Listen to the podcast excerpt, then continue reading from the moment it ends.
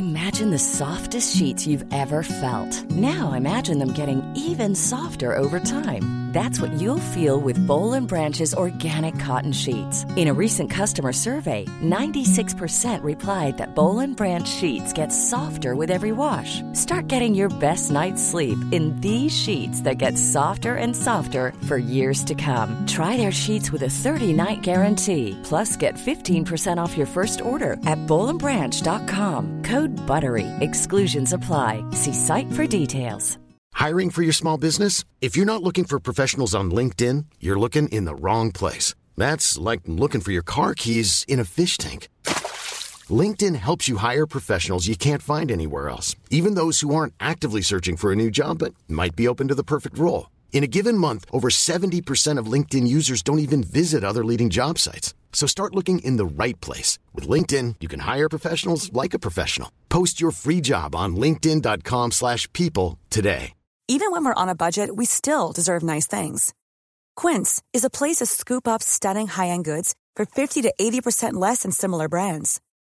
They have buttery soft cashmere sweaters starting at $50, luxurious Italian leather bags, and so much more. Plus, Quince only works with factories that use safe, ethical, and responsible manufacturing. Get the high-end goods you'll love without the high price tag with Quince. Go to quince.com slash style for free shipping and 365-day returns. Palmemordet, Polisman A, del 6. Sveriges statsminister Olof Palme är död. 90 000. Ja, det är mord på Sveavägen. Hörde de säger att det är Palme som är skjuten. Mordvapnet med säkerhet är en Smith Wesson, en revolver kaliber .357. Inte ett svar. Det finns inte ett svar. För jag har inget. Och jag har inte varit Polisen söker en man i 35 till 40-årsåldern med mörkt hår och lång mörk rock. Och vi fortsätter nu vår granskning av Polisman A. Vi har kommit fram till 1989. Jag heter Dan Hörning.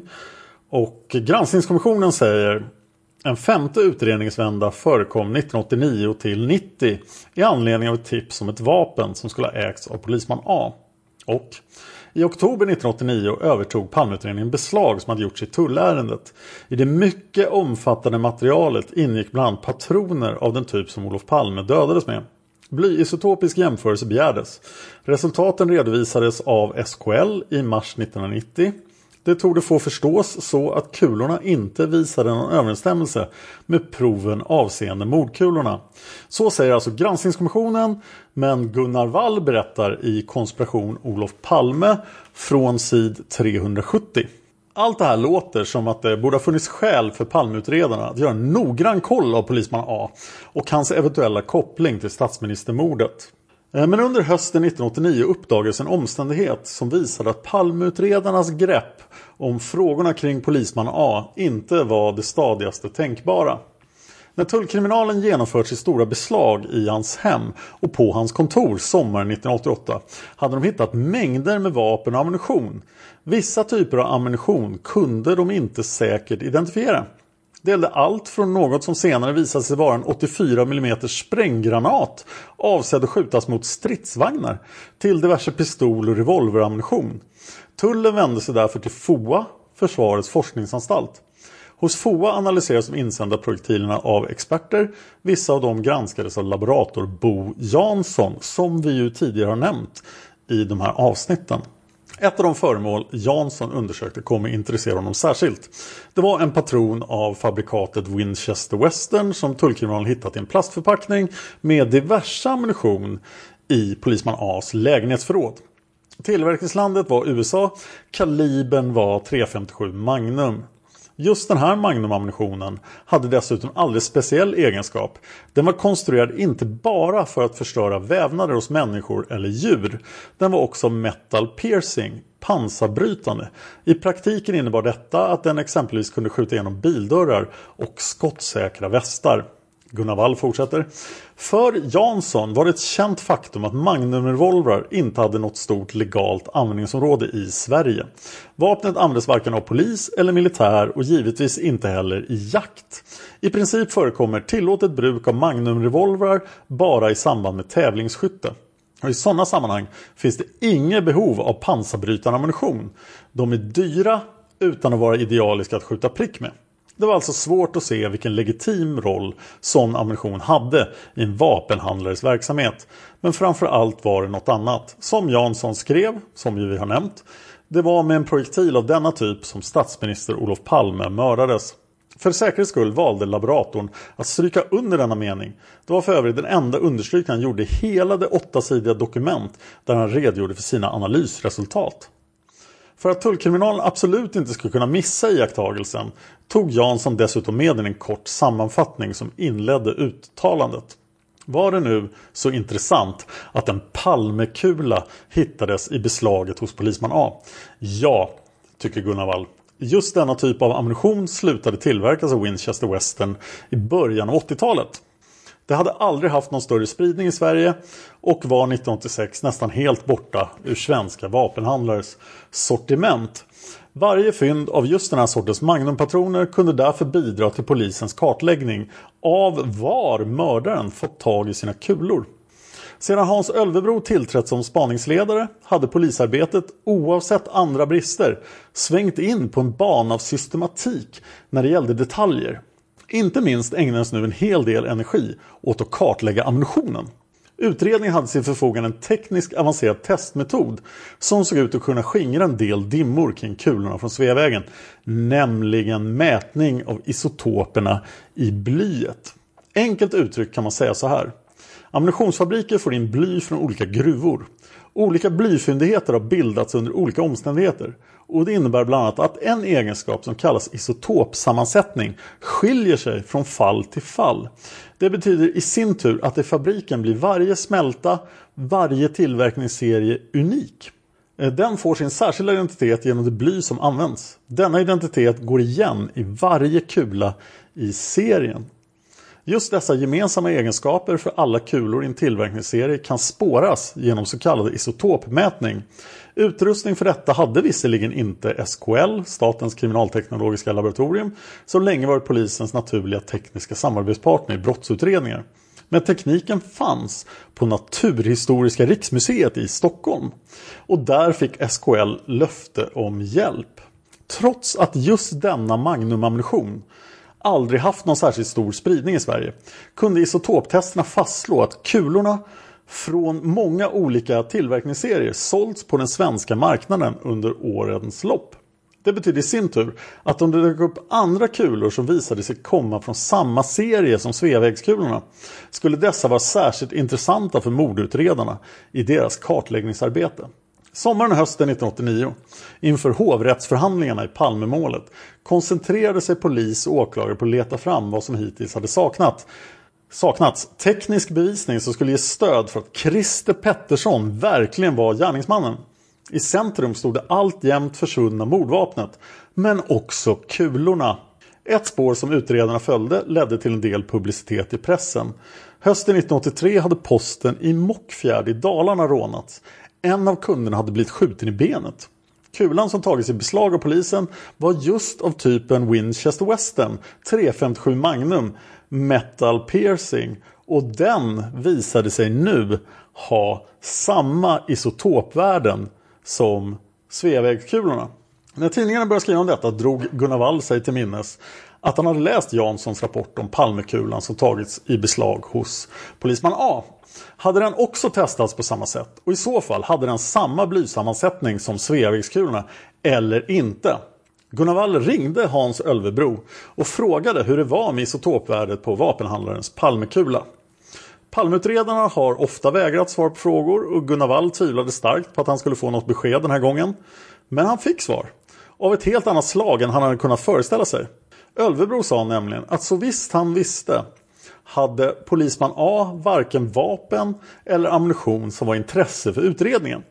Lite irriterat undrade han vad det var för uppgifter som Gunnar Wall hade träffat på.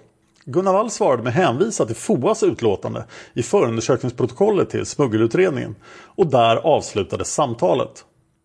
Någon dag senare ringde Hans Ölvebro tillbaka och tackade Gunnar Wall för upplysningen. Kulan var givetvis intressant och skulle studeras närmare om det gick att få tag på den. Det visade sig gå alldeles utmärkt och ytterligare några dagar framåt i tiden den 29 september överlämnades patronen från FOA till Palmeutredarna. De sände den till SKL och därifrån gick den vidare till Naturhistoriska riksmuseet för testning tillsammans med 13 andra kulor. Vissa av dessa andra kulor kom från privatpersoner som lämnat in egen ammunition för att hjälpa till. I åtminstone en del av de fallen hade Palmeutredarna också fått in tillhörande förpackningar. De var märkta med koder som visade när ammunitionen tillverkats. Och någon av de kulor som kom från en känd förpackning hade samma isotopvärden som Palmekulorna skulle utredarna troligen kunna bestämma vid vilken tidpunkt fabrikanten levererat mördarens ammunition till försäljning.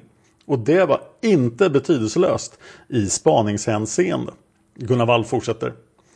Men det fanns ännu mer intressanta möjligheter som kunde öppna sig genom testerna. Polisman A's kula hade ju kommit i utredarnas händer genom husransakan och inte genom frivilligt samarbete från hans sida.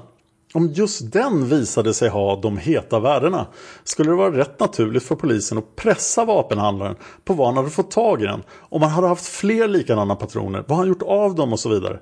Och i bästa fall skulle polisman A då kunna ge upplysningar som ledde fram till Palmes mördare. Men vad hände då med de 14 kulorna? Hade någon av dem den intressanta isotopsammansättningen? Gunnar Wall hade förstås ingen självklar rätt att få veta men ringde ändå envist både till polisen och SKL och bad om svar. Det blev en del samtal. Resultaten lät nämligen vänta på sig i månader. En orsak var ombyggnadsarbeten på Naturhistoriska riksmuseet. Enligt uppgifter Gunnar Wall fick från både Palmeutredningens Ingmar Krusell och en SKL-tjänsteman fanns det också en annan orsak. Det tycks ha skett en sammanblandning av kulorna under testandets gång och av den anledningen skulle göras ett omtest. När Gunnar Wall senare kontaktade Krusell för att få besked om det definitiva testresultatet gjorde Krusell en helomvändning. Det hade inte alls förekommit någon sammanblandning av kulor. Orsaken till förseningen var istället att två kulor kommit in senare till SKL från Palmeutredarnas sida och missat höstens ursprungliga testomgång. Nu skulle samtliga kulor behöva omtestas i förhållande till dessa två för att bra resultat skulle kunna uppnås. Gunnar Wall tyckte det här lät eh, förbryllande men fick godta Krusells besked. Samtidigt berättade Krusell att testet vad gällde polisman A's kula var klar och att denna inte kom från samma tillverkningssats som Palmekulorna. Inte heller hade någon annan nu testad kula samma värden som fynden från Sveavägen. Ett helt annat svar fick Gunnar Wall när han åter kontaktade tjänstemannen på SKL. Denne bekräftade i och för sig att två kulor hade levererats senare från Palmeutredarna än de övriga. Men en av dessa två tycktes verkligen ha råkat ut för en sammanblandning.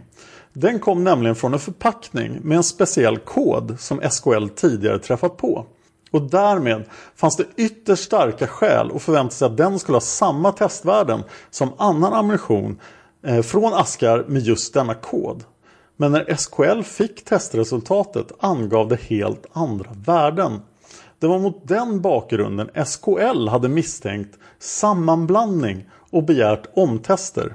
Den andra av de två kulorna som kom in jämförelsevis sent. Hur var det då med den? Ja, enligt vad SKL-tjänstemannen kände till hade polisen tagit den i beslag från en man. Mer än så visste inte SKL-tjänstemannen. Det är naturligt att spekulera i om denne man kan ha varit polisman A. Det kunde dock inte SKL-tjänstemannen bekräfta. Han trodde att kulan som hittades åt vapenhandlaren i Ebbe Carlsson-affären redan var färdigtestad sedan flera månader. Men vad var det då för kulor som hade blandats samman? Tjänstemannen ville inte spekulera. Men han gav Gunnar Wall ett annat spännande besked. I testmaterialet hade man faktiskt hittat en kula som tycktes komma från samma tillverkningssats som Palmekulorna. Men vilken denna kula var ville han inte uttala sig om. De upplysningar han lämnade räcker ju för att skissera möjligheten av att polisman A-kulan haft samma isotopvärden som Palmekulorna men att den vid något tillfälle bytt plats med en annan testkula kanske redan i polishuset innan SKL kom in i bilden. Palmeutredarna har inte offentliggjort SKLs testresultat sådant det till sist kommer att se ut. Och sedan Gunnar Wall beskrivit frågetecknen kring det hela i några artiklar i veckotidningen Internationalen la han problemet åt sidan. Betydligt längre fram i tiden förhörde Gunnar Wall sig mer allmänt med Hans Ölvebro om isotoptesterna. Han vill inte svara utan förklarade att polisen arbetade diskret med den delen av utredningen. Enbart utifrån Gunnar Walls efterforskningar kan man förstås inte dra några bestämda slutsatser om vad analysen av polisman A's kula egentligen visade. Inte heller kan man påstå att det måste ha förekommit några avsiktliga manipulationer med bevismaterial för att skydda polisman A. Vad som däremot inte kan viftas undan är att det tog drygt ett år innan det potentiellt viktiga ammunitionsfyndet överhuvudtaget uppmärksammades i Palmeutredningen.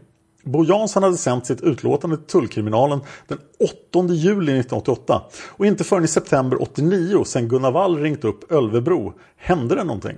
Hur kunde maskineriet kärva så? Det är inte alldeles klart. Ölvebro sa till eh, Gunnar Wall att det var Stockholmspolisens chefstekniker Vincent Lange som rapporterat att det inte funnits någon intressant ammunition i beslagen som gjort hos polisman A. Hösten 1989 var Lange pensionerad men den 13 juli året innan var det han som för mordutredningens räkning besökt tullkriminalen för att granska vad som hade hittats i husransakningarna hos vapenhandlaren. När Gunnar Wall ringde Lange och berättade om Palmekulan som hittats hos polisman A lät han lika överraskad som Hans Ölvebro. Lange säger vi hade tagit den direkt om vi hade vetat att den fanns. Och hur kom sig det då att Lange missade en kula som fick Bo Jansson att reagera? På ytan är svaret enkelt. Den fanns inte kvar hos tullkriminalen utan hade redan skickats till FOA tillsammans med en del annan ammunition. Men det förklarar inte särskilt mycket. Vid tiden för Langes besök hade nämligen Jansson redan gjort sitt analysjobb och skickat rapporten med resultaten till tullen. Och den borde Lange förstås ha fått se. Någonstans brast det uppenbarligen. Den som beslutade att FOA skulle kopplas in var smuggelåklagaren Jörgen Lindberg. Man kan därför tycka att han borde haft ett ansvar att vidarebefordra Bo Janssons larmsignal till Palmeutredningen. När Gunnar Wall sent om sidor frågade Lindberg kom han dock inte ihåg om han tagit någon sån kontakt. I vilket fall, mot bakgrund att det förekommit direkta misstankar mot polisman A för inblandning i mordet borde dokumentationen av beslagen från hans lägenhet och kontor varit av uppenbart intresse för palmutredarna oavsett om smuggelutredarna slog larm eller inte. Den 8 november 1989 byter Strateg Protector namn till ARN Tech och här försvinner alltså namnet strategprotektor för alltid. Granskningskommissionen rapporterar i december 1989 inkom ett tips från en anställd vid en vapenfirma angående revolver Smith Wesson 357. Vapnet skulle vid tiden för mordet ha ägts av en polisman A som sedan sålt det till en Ove M. Vapnet var troligen en ombyggd 38 med 2,5 tums pipa. Tipset är utrett och polisman A har lämnat upplysningar i uppslaget. Och vem Ove M är vet inte jag, men jag vet att det är väldigt populärt att spekulera att en av de stora personligheterna i Flashback-tråden om Palmemordet, som också heter Ove M, har någonting med det att göra då, men han har ju förnekat det. I början av 1991 pressas Hans Ölvebro, dåvarande spaningsledare av Lars Borgnäs på frågan om Palmeutredningen verkligen har kontrollerat misstankarna mot polisman A. Hans Ölvebro då, svarar då väldigt upprörd. Vi anser att vi har gjort det man kan göra inom lagens råmärken. råmärken. Vi kan ju inte ta in honom och sparka honom på knäskålarna och tortera honom tills han erkänner. Och eh, det här har ni säkert sett. Det här finns på Youtube. Och eh, jag tycker det är ett jättemärkligt uttalande men Ölvebro verkar rätt pressad vid tillfället. I maj 91 har tydligen eh, hovrättsrättegången dragit igång mot eh, i smuggelmålet. För det finns en artikel från Expressen som heter Nej advokaten. Det här är inget smörklicksmål av Per Wendel. Och jag läser nu från Expressen. Ett smör When you're ready to pop the question, the last thing you want to do is second guess the ring. At BlueNile.com you can design a one-of-a-kind ring with the ease and convenience of shopping online. Choose your diamond and setting. When you find the one, you'll get it delivered right to your door. Go to BlueNile.com and use promo code LISTEN to get $50 off your purchase of $500 or more. That's code LISTEN at BlueNile.com for $50 off your purchase. BlueNile.com code LISTEN. Hiring for your small business? If you're not looking for professionals on LinkedIn, you're looking in the wrong place. That's like looking for your car keys in a fish tank. LinkedIn helps you hire professionals you can't find anywhere else, even those who aren't actively searching for a new job but might be open to the perfect role. In a given month, over 70% of LinkedIn users don't even visit other leading job sites. So start looking in the right place. With LinkedIn, you can hire professionals like a professional. Post your free job on linkedin.com slash people today. This is Paige, the co-host of Giggly Squad, and I want to tell you about a company that I've been loving, Olive and June. Olive and June gives you everything that you need for a salon quality manicure in one box. And if you break it down, it really comes out to $2 a manicure, which is absolutely insane. It's also so easy to get salon worthy nails at home with Olive and June. The difference between how your nails used to look when you did them yourself and now with the Manny system is a complete game changer. The best thing about Olive and June too is it's a quick dry. Dries in about 1 minute, lasts for 5 days and full coverage in up to 1 to 2 coats. Visit oliveandjune.com slash perfectmanny20 for 20% off your first system. That's oliveandjune.com slash perfectmanny20 for 20% off your first system. Klicksmål, suckade advokat Leif Silbersky under en paus i Ebbe Carlsson-rättegången. Sen visade åklagaren en video med all den avlyssningsutrustning som tagits i beslag. Nej advokaten, det, detta är inget smörklicksmål. Det var ett gigantiskt grundlagsbrott som Ebbe Carlsson-ligan planerade. I demokratins tjänst är det valspråk som ligan försöker få domstolen att tro att den levde efter. Och igår påstod vapenhandlaren Polisman A att den utrustning som han köpte i Hamburg skulle användas för att förhindra attentat mot kungahuset, mot dåvarande justitieministern Anna-Greta Leijon och för att avslöja opolitliga element i Säkerhetspolisens ledning. Samma luddiga hotbild använde Ebbe Carlsson när han våren 1988 kopplade greppet på makten. Om påståendena vore sanna skulle det inte ha varit Ebbe Carlsson och hans amatörgäng som skulle förhindra attentatet och avslöja sabotörer i Säkerhetspolisens ledning. Då hade det varit en uppgift för professionella poliser. Den demokrati som Ebbe Carlsson-ligan säger sig försvara är deras egen form av demokrati. Den svenska demokratin har det här gänget inte mycket till övers för. Igår hördes vapenhandlaren Polisman A och den smugglande polisen Per J i rättegången. Kasperteater var Polisman A's benämning på riksdagens konstitutionsutskott. Sörjan kallade Per J regeringen och polisledningen. Hade ligan inte avslöjats i juni 1988 hade den haft ett fruktansvärt vapen i sin hand. Televerkets säkerhetsavdelning har testat den utrustning som fastnade i tullen i Helsingborg och den utrustning som senare beslagtogs hos Ebbe Carlsson. Delvis är det utrustning som polisen kan få tillstånd av domstol att använda när den utreder vissa svåra brott. Delvis är det utrustning som överhuvudtaget inte får användas i Sverige. Det var den här utrustningen som gänget runt Ebbe Carlsson tänkte använda utan någon som helst kontroll för att kränka demokratin och inte försvara den. Granskningskommissionen berättar vidare 1992 om ett vapen som skulle ha ägts av polisman A. I uppslaget finns ett läkarintyg angående polisman A. Det utfördes 1992 av en läkare vid Södersjukhuset och gäller polisman A's tillstånd när han skrevs ut den 28 februari 1986. Intyget synes medge slutsatsen att utredningen angående polisman A's alibi inte bedömdes som avslutad vid denna tidpunkt. Den 28 februari 1992 utfärdades läkarintyg angående polisman A. Det begärdes in av Palmeutredningen i samband med uppgifter i massmedia om polisman A. Intyget är över, eh, undertecknat av chefsöverläkaren Thomas I vid Södersjukhuset. I intyget sägs bland annat Enligt min uppfattning är det osannolikt att polisman A skulle kunna företa några längre språngmarscher eller förflyttat sig snabbt i trappor inom de närmaste dagarna efter sin utskrivning. Journalanteckningar finns bifogade. Thomas I hade inte undersökt polisman A eller själv haft honom som patient. Av intyget framgår att Thomas I uttalar sig om hur det typiskt sett förhåller sig med en patient som haft åkommor av det slag polisman A hade och undergått den behandling som denne hade varit föremål för. Den 3 mars 1992 skriver Ingvar Hedlund i Expressen den 21 februari dömdes vapenhandlaren för smuggling av avlyssningsutrustning avsedd för Ebbe Carlssons privata Palmespaningar. Samma dag gjorde Rikspolisstyrelsen en miljonaffär med vapenhandlaren. I tv-utfrågningen om Palmemordet i torsdags kallades vapenhandlaren Polisman A.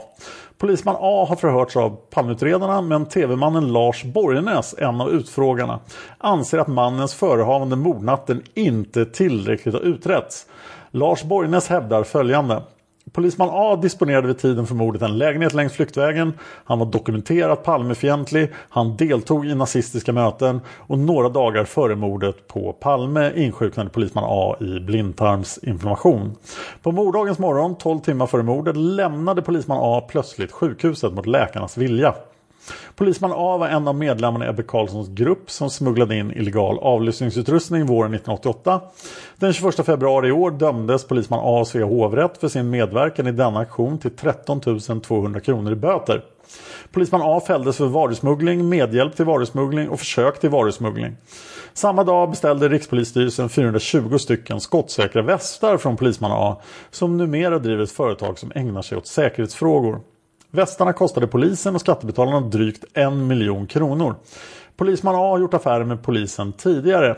Och så tar de upp då inköpet av pansarglas och så vidare från Holmer som vi redan pratat om. Eh, Carl Gustav Krall är inköpschef på Rikspolisstyrelsen och ansvarig för affären med polisman A. Krall säger till Expressen vi studerade anbud från flera företag och bedömde att polisman A's produkter hade det lägsta priset i förhållande till de krav vi ställer. Inköpet har skett helt på affärsmässiga grunder. På frågan om det är lämpligt av polisen att göra affärer med polisman A svarar Krall jag känner, förstås inte, jag känner förstås till att han dömdes för varusmuggling för drygt en vecka sedan. Men detta har ju ingenting med hans företag att göra. Så vi bedömde att det inte fanns något hinder. I fredags kväll träffade Expressen polisman A. Det blev ett kort möte. Polisman A röt Försvinn härifrån, jag blir så förbannad på er.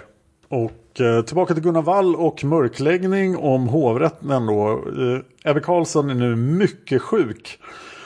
Och eh, men han eh, anser, säger då i någon mån är det jag som är ansvarig för det här projektet. Ebbes läkare anser att han kan klara en process om han bara själv känner att han orkar.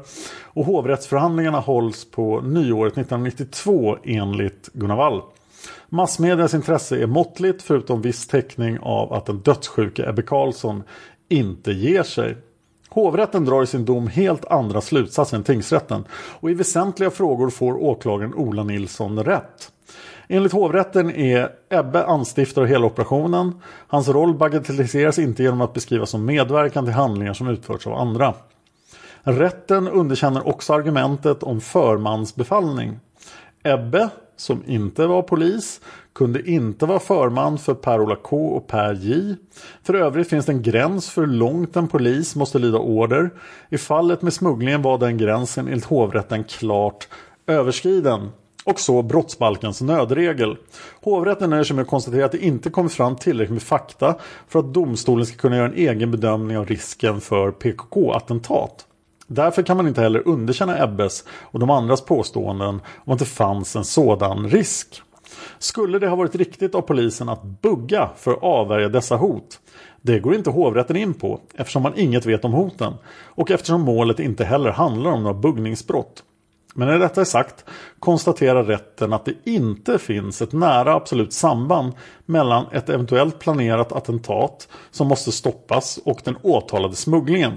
Eftersom det tydligen inte hade varit bråttom att få igång buggningen hade det menar rätten funnits tid för polisen att hitta en lämplig metod att skaffa fram utrustning på lagligt sätt. Hovrätten dömer Ebbe Karlsson för anstiftan till varusmuggling. Det är för Per J-resan respektive anstiftan till försök till varusmuggling avseende Helsingborg. Eh, Per-Ola K döms för anstiftan till varusmuggling, Per J-resan respektive försök till varusmuggling avseende Helsingborg. Per J döms för varusmuggling. Polisman A döms förutom för det olaga vapeninnehavet för varusmuggling, telefondekodern som han tog in själv, medhjälp till varusmuggling, Per J-resan samt medhjälp till försök till varusmuggling avseende Helsingborg. Samtliga får dagsböter. Ebbe Karlsson låter sin advokat Tony Sandell överklaga den fällande domen till Högsta domstolen. Nu väljer denna yttersta rättsinstans själv om man ska ta upp ett mål eller inte. Tanken är att den bara ska syssla med fall som kan ge någon slags principiella klargöranden om rättstillämpningen. Sandell motiverar Ebbes ansökan om prövningstillstånd med att hovrätten på flera punkter skulle ha begått grova fel. Han yrkar också på att Högsta domstolen behandlar frågan med förtur eftersom Ebbe Karlsson är svårt sjuk. Och alldeles efter midsommar den 23 juni kommer Högsta domstolens beslut. Det blir inget prövningstillstånd och knappt 41 dygn senare klockan 00.27 den 3 augusti dör Ebbe Carlsson på Huddinge sjukhus. Men Palmeutredningen släpper inte polisman A. Granskningskommissionen rapporterar. Försommaren 1993. Försommaren 1993 hölls så de mer ingående alibiförhören med personer som träffat polisman A under morddagen och mordkvällen. De får betraktas som en uppföljning av ursprungstipsen. Alibi-utredningen beträffande polisman A hade vid denna tid således pågått från mars 1986 till sommaren 1993. Det vill säga i närmare sju och ett halvt år. Det sker ett antal ingående förhör med personer som varit i kontakt med polisman A under morddagen. Tord A uppgav följande. Han kom i kontakt med polisman A när denne var skjutinstruktör för livvaktsgruppen. Han har haft en del flyktiga kontakter med polisman A. Bland annat har han besökt denne i hans bostad några gånger. De hade inget privat umgänge men delade vapenintresset. Besöket vid morddagen vid 3-4 tiden var en artighetsvisit. Polisman A var ganska svag och inte intresserad av något längre besök. Tord A hade vid något tillfälle besökt Regeringsgatan 85. Det var en vanlig lägenhet, tungt möblerad. Det motsäger fullständigt eh, polisman A's egna uppgifter. Eh, granskningskommissionen fortsätter. Tord A's intryck var att den var till för polisman A och den före detta militärens gemensamma firma. Tord A hade inte medverkat med polisman A på något möte på Söder. Han hade på senare tid inte haft med polisman A att göra. Göran ST uppgav följande. Han jobbade vid tiden för mordet på Norrmalm i piketen. Göran ST träffade polisman A 1982-83 i samband med skjutövningar där polisman A fungerade som skjutledare. Han hade sedan arbetat tillsammans med polisman A som skjutinstruktör. Det var återkommande utbildning för framförallt piketpersonal. De hade inte annat än undantagsvis umgåtts privat. Besöket hos polisman A på mordkvällen mindes han dåligt men han hade talat med kollegan Per H och kommit fram till att de jobbade civilt den här kvällen och var hemma hos polisman A. Även om minnena var väldigt diffusa kommer han ihåg att A var dålig och bar morgonrock. På frågan kan du komma ihåg hur han rörde sig? svarade Göran ST. Polisman A gick som en 95-åring, små steg och framåtböjd på grund av smärta i magen. Det är liksom den enda bild jag har av han säger Göran ST. Och så vitt Göran ST kom ihåg så var det ingen annan där samtidigt. Han mindes inte varför man besökte polisman A. Göran S tjänstgjorde alltså mordkvällen och deltog i spaningarna på mordnatten. Han ringde till polisman A på natten och berättade om mordet. Skälet till att han ringde var bland annat att de fick sitta och vänta en del. Han hade träffat A bara någon enstaka gång efter mordet i augusti-september 1986 flyttade Göran ST från Stockholm. Göran SD fick frågor om han hade pratat politik med polisman A någon gång. Men det hade han inte gjort. Göran SD hade inget minne av att han besökte Regeringsgatan 85. Per H uppgav följande. Han hade träffat polisman A när denne fungerade som skjutinstruktör. De umgicks inte privat.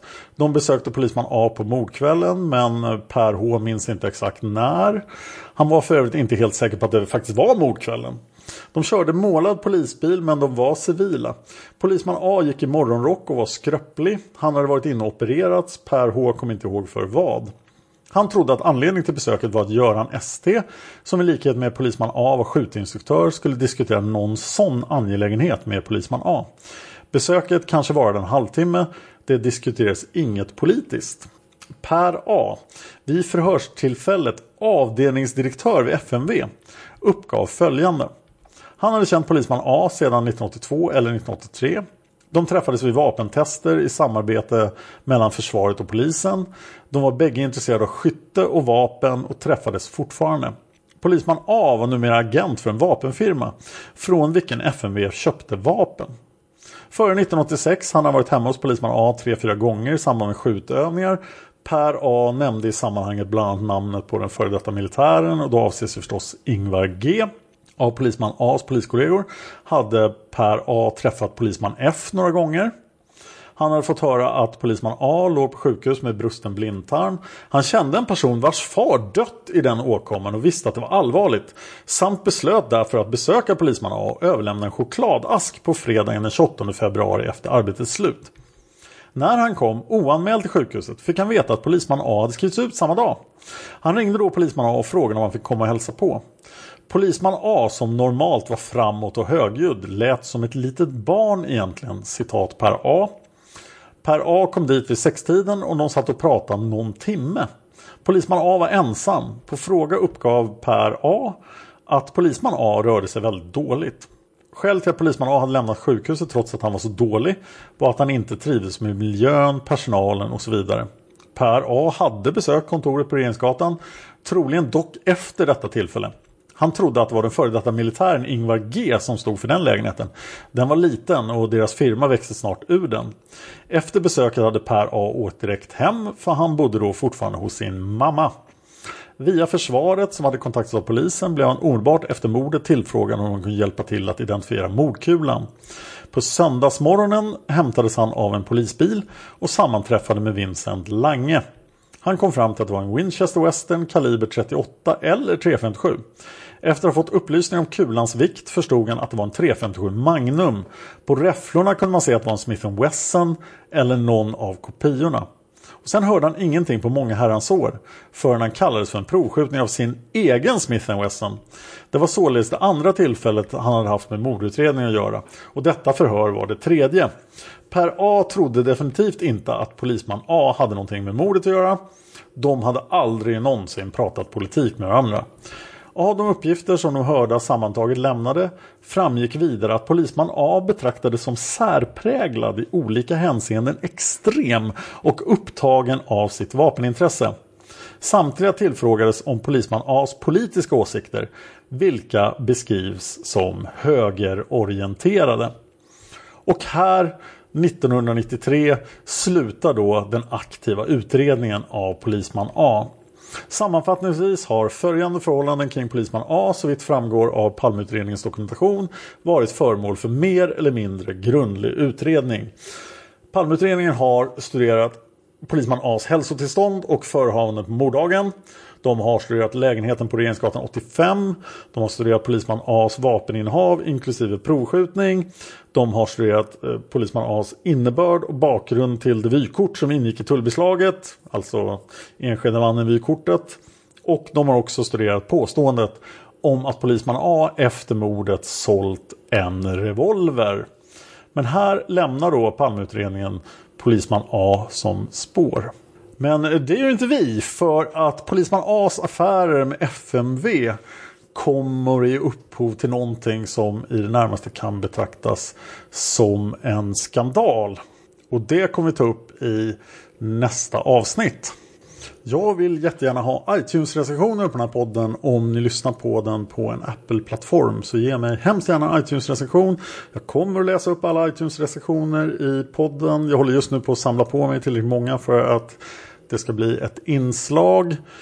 Eh, om ni gillar den här podden jättemycket får ni gärna sponsra den på patreon.com palmordet Patreon. Det har jag pratat om så mycket så det ska jag inte göra nu. Men podden överlever på grund av er som sponsrar den. Så tack så jättemycket. Eh, Palmemordet finns på facebook.com palmemordet och på Youtube. Sök bara på Palmemordet. Tack för att ni lyssnar. Man hittar Palmes mördare om man följer PKK-spåret till botten. Därför att ända sedan Julius Caesars tid har jag aldrig hört talas om ett mord på en framstående politiker som inte haft politiska skäl. Polisens och åklagarens teori var att han ensam hade skjutit Olof Palme. Och det ledde också till rättegång. Men han frikändes i hovrätten.